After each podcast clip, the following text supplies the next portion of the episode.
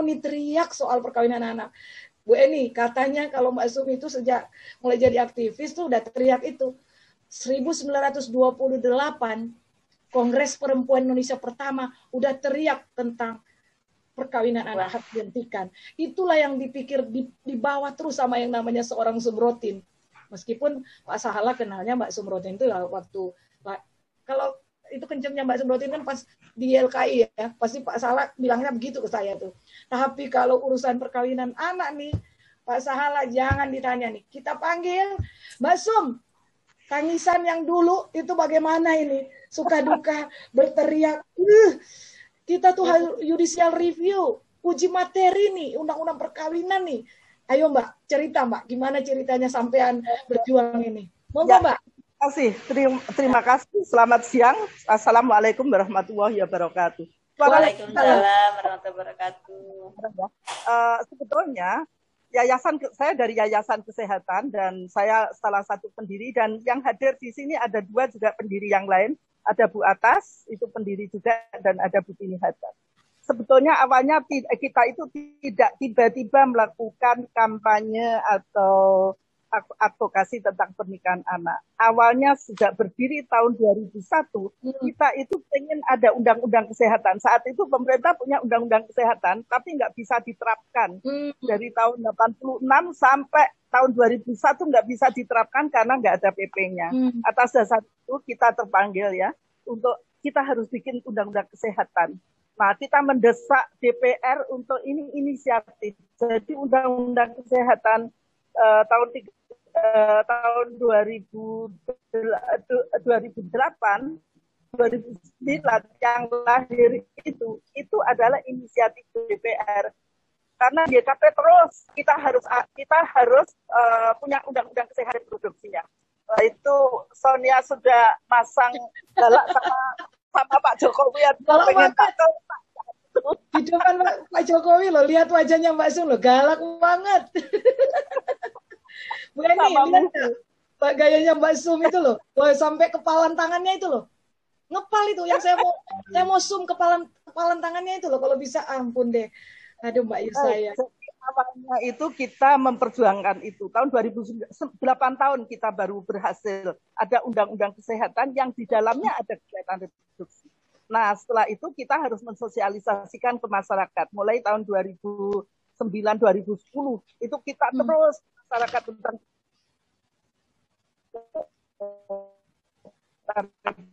produksi.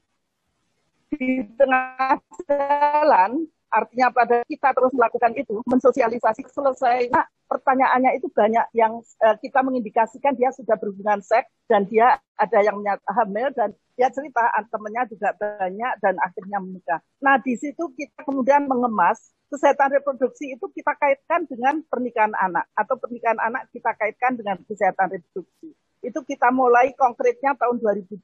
Awalnya kita hanya cash dan Eh, kebetulan sebenarnya kita da setiap datang di satu kabupaten itu kita tidak ngerjain satu aja untuk anak itu. Hmm. Hmm. Kita uh, komprehensif ya. Jadi misalnya tahun 2012 itu di Bondowoso yeah. itu kita latih anak-anak sekolah SMP, guru-guru sekolah, tokoh hmm. agamanya juga orang tuanya. Jadi kita bikin empat kelas gitu yang beda-beda. Setiap kalau uh, guru anak itu harus mendapatkan pelatihan selama lima hari karena dia nantinya harus bisa menjelaskan pada orang lain. Hanya kepada tokoh agama kita hanya setengah hari atau satu hari. Itu sebetulnya karena dia supaya dapat wawasan, dia dikasih ajaran Castro juga dia tidak tertarik. Tapi setidaknya yang ingin kita target tokoh agama itu dia terpapar pikirannya agar dia tidak meng, eh, tidak me, biasanya kan kalau di, di di kabupaten-kabupaten pernikahan anak juga yang tidak resmi itu dilakukan oleh tokoh agama atau kiai atau guru ngajinya. Nah itu yang kita sasar. Saya apresiasi sekali sama Bu Eni. Bu Eni sampai tahun 2012 itu. Tadi kan Bu Eni paparannya uh, alat reproduksi laki dan perempuan digambarkan dengan jelas gitu kita saat itu juga melakukan itu. Tapi saat itu pemerintah itu masih ragu-ragu mentayangkan gambar alat reproduksi oh. laki-laki dan skala jelas itu dan saya apresiasi. Jadi dulu itu masih kayak ragu-ragu dianggap tabu dan kalau sekarang pemerintah sudah melakukan itu, menurut saya ini adalah langkah yang sangat maju dan sesuai dengan apa yang selama ini dilakukan oleh YKP. Nah, dalam perjalanan tahun 2012 itu kita dapatkan data. Kita pertama itu di kita data itu di Bondowoso ya. Bondowoso itu angka pernikahan anaknya saat itu itu sampai 42 persen. Tinggi sekali kan. Dan datanya setelah satu tahun itu tahap pernikahan 50 persen itu cerai. Nah Pak Bupatinya mulai tertarik untuk terus mengembangkan mengembangkan itu. Nah kita punya program di situ dua tahun dan kemudian kita lepas, tapi USAID kemudian meng, apa, melakukan kayak mail gitu di program kami dan kemudian diapresiasi di, di, papar, eh, dipaparkan oleh eh, USAID itu pada saat ada pertemuan di Dignas bersama Pak Pak Dirjen Kebudayaan. Nah, kita lakukan terus menerus ya, uh, mulai uh, mulai dari saya bekerja dari kabupaten ke kabupaten karena kayaknya di nasional itu susah sekali, tapi di oh. kabupatennya lebih lebih gampang. Jadi ibaratnya makan bubur gitu, uh, kan tahun 2000 ya 2004 15-an 14-an itu 12 sampai 15 itu kan uh, apa ya masih susah sekali menembus kementerian itu. Nah ternyata di kabupaten lebih lebih gampang. Kayak makan bubur panas kita pinggirnya aja yang kita, eh, kita mulai dari pinggirnya baru kemudian ke tengahnya. Nah di situ apalagi di saat tahun 2015 pada saat SDGs SDGs di launching dan banyak sekali kepala daerah itu pada bingung karena pemerintah pusat menyatakan semua program harus juga menyentuh SDGs. Kan uh, pada tanya, Bu SDGs itu ada 17 goal. Pada program saya disuruh me, apa, mengatasi itu, uh, 17 goal. Saya ngomong, kalian untuk saya kampanye untuk pernikahan anak. Pak, gampang Pak Bupati. Bapak bikin satu program saja, satu program pernikahan anak saja itu Bapak sudah bisa mengatasi kemiskinan, kelaparan,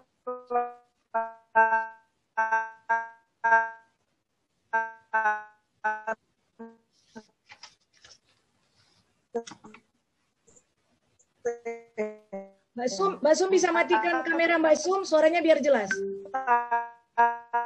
Mbak Sum, suaranya Mbak Sum. Dan gender pendidikan.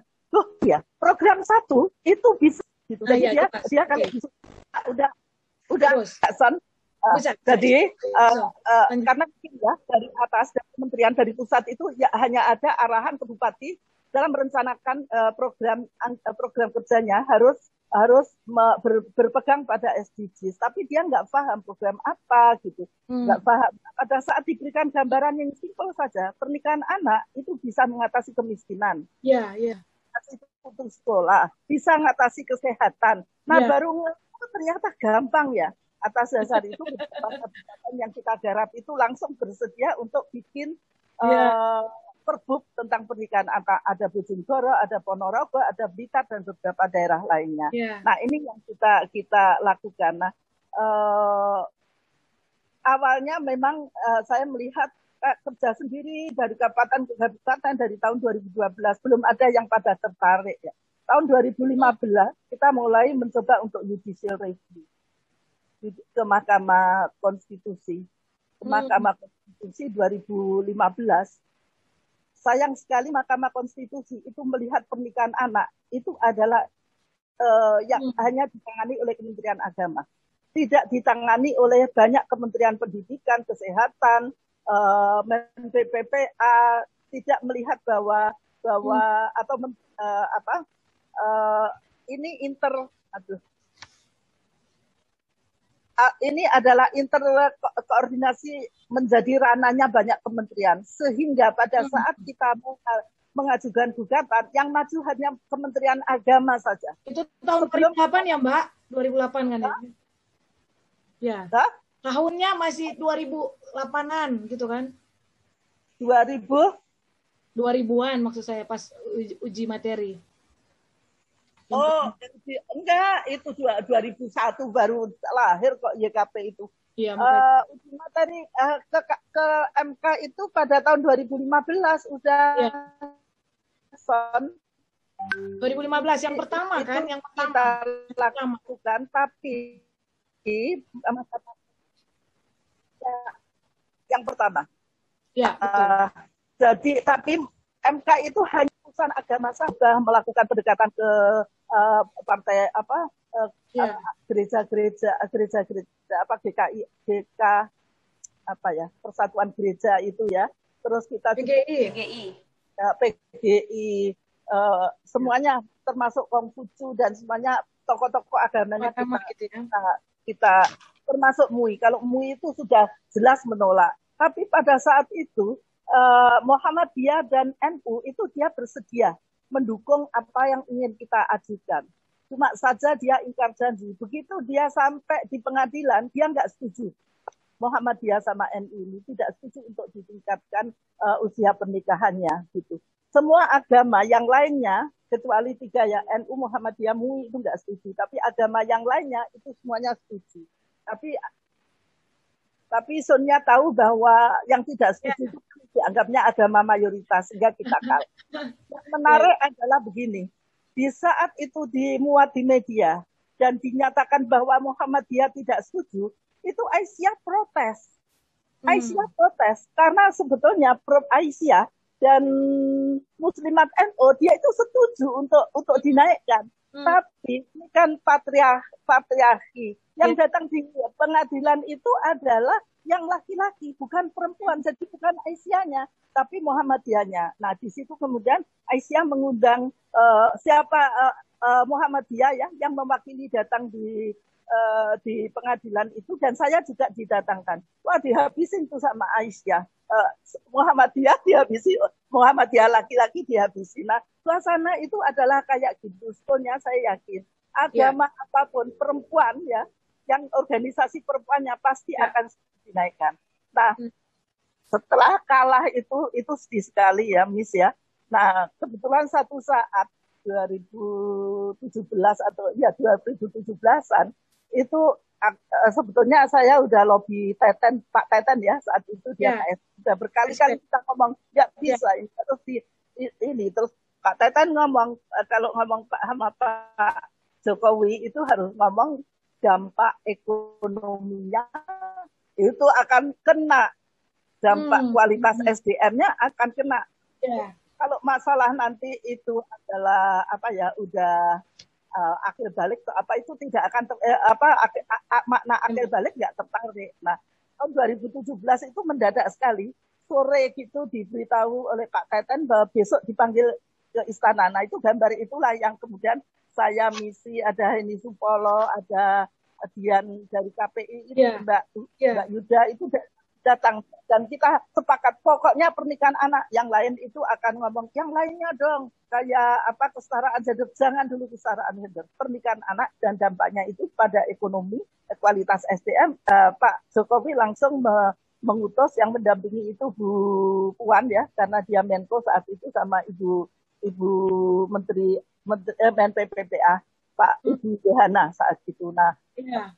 Eh, itu itu itu menurut saya awal dari awal kita ketemu dengan presiden untuk terus menggelorakan tentang pernikahan anak. Eh, saya ingin eh, sedikit menggambarkan tentang di Ya. proses pengadilan. Eh, di pengadilan itu eh, dari sisi agama Islam selalu menyatakan bahwa usia 16 itu eh, dalam Islam menikah itu adalah apabila sudah akil balik. Akil balik itu ditandai dengan menstruasi. Membujuk Pak Kurai Sihab untuk bersedia menjadi saksi ahli juga nggak gampang. Aduh Pak, ini demi anak eh, anak remaja, demi an- perempuan kita, demi bangsa kita. Akhirnya Pak Kurai Sihab hadir ya. Meskipun Pak Kurai Sihab menurut saya alasannya bagus sekali, tapi tidak menjadi pertimbangan Mahkamah Konstitusi. Pak Kurai Sihab menyatakan bahwa akil balik itu ada dua indikatornya Hmm. tidak hanya haid saja. Kan MUI menggunakan haid itu akil balik. Haid itu adalah balik. Seorang perempuan apabila menstruasi, sudah menstruasi itu balik. Akilnya itu belum. Akil itu adalah akil dewa kedewasaan. Jadi yang namanya akil balik itu ada dua unsur. Ada usia kedewasaannya dan menstruasi. Nah, Hmm. menurut saya itu sangat logik ya, tapi Ya. itu uh, alhamdulillah kemudian Dian dan Misi dan yang lainnya mencoba untuk yang kedua kali ke Mahkamah Konstitusi lagi, tapi yang ini yang maju adalah yang menggugat adalah korban pernikahan anaknya. Dan di situ uh, sudah tidak dilihat sebagai Kementerian Agama, yang ya. menghadap ya. adalah kementerian-kementerian teknis lainnya. Nah, okay. saya uh, juga ini lucu juga ya. Ya, Mbak. 2015 itu saya dekat sekali ya. sama Pak Fasli Jalal dan ya. dia setuju untuk dinaikkan. Demikian hmm. juga Men PPPA, demikian juga Kementerian Kesehatan. Pada ya. saat saya minta supaya dapat menjadi uh, tiga kementerian itu menjadi saksi ahli, ya. kementeriannya nggak mau. Udah deh, kalau nggak mau saya minta bapak nulis saja. Saya mana? Cari ya, kertas ya, ya, sampai ya. itu ke Pak Fasli, Pak ketek setarik kertas saja menyatakan bahwa bapak mendukung. Jawabannya adalah masa bu yang saya lawan adalah kementerian yang sebetulnya ini kan negara apa bagian dari bagian dari ya. pemerintahan. Jadi bertiga ya. tiga tiganya itu nggak bersedia gitu. Nah ini yang menurut saya kadang-kadang Mahkamah Konstitusi apabila salah siapa ya. yang harus mewakili untuk menghadapi suatu gugatan itu bisa runyam. Okay. Nah tadi terus dilanjutkan ada lagi yang kedua dan alhamdulillah menang gitu ya. Alhamdulillah yeah. menang dan kemudian di uh, September kalau nggak salah ya September 2019 yeah. kita rame-rame ya. Ya. Uh, 2019 Mbak. 2019 kita, kita rame.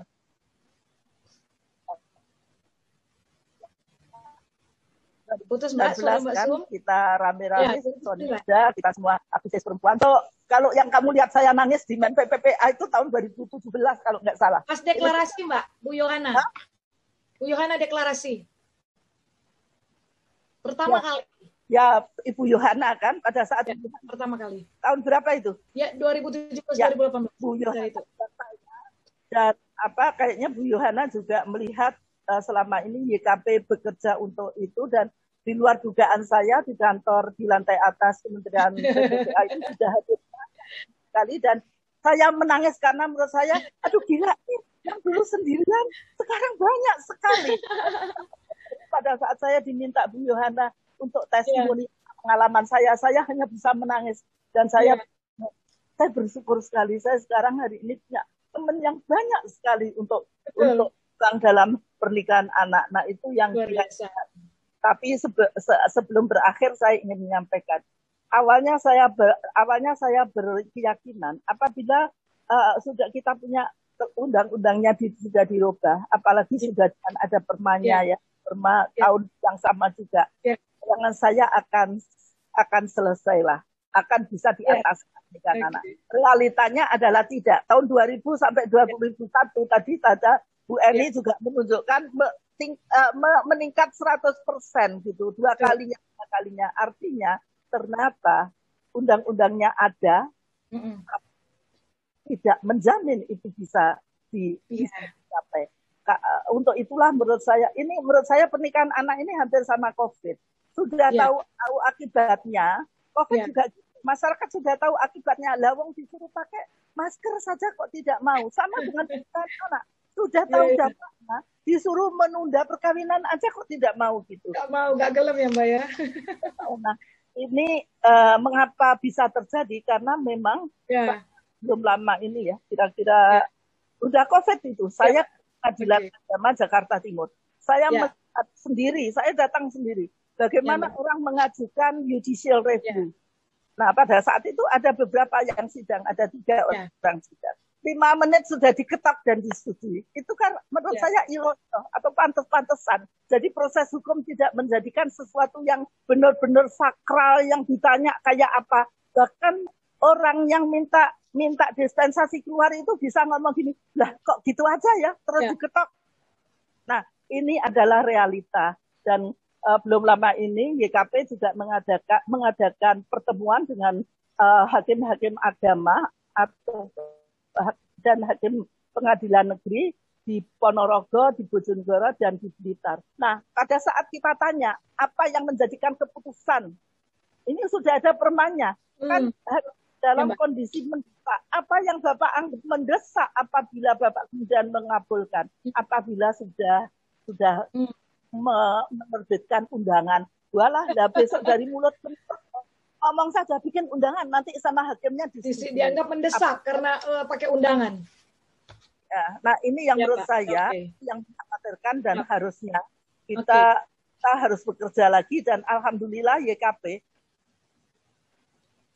sudah mampu menerbitkan satu buku ya. panduan, buku saku untuk para hakim yang harus menjadi pertimbangan saat dia memutuskan. Dan kita sudah kasihkan ke apa dan itu disambut juga oleh Pak siapa ya yang lupa saya yang selalu datang di pernikahan anak itu acara-acara pernikahan anak dan dia memberikan sambutan. Dan kemarin dia minta minta bukunya lebih la banyak lagi akan dibagikan di saat ada latihan hakim-hakim agama dan hakim pengadilan. Nah ini yang menurut saya memang tadi kalau permintaannya itu dari Menpe, uh, Ibu Erni, kita sebaiknya kerja bersama-sama. Ya, kita sudah ya. saatnya kerja bersama. Pembagian tugas yang mana yang harus dilakukan siapa. Tapi yang jelas uh, pernikahan anak itu harus dari yang uh, desa dan dari kabupaten. Kita ya. tidak ada gunanya dan sama. Betul. saja. Jadi yang harus kita kerjakan, kita harus ya, turun ke bawah. Terima kasih. Terima kasih, Mbak Sum. Wassalamualaikum warahmatullahi wabarakatuh.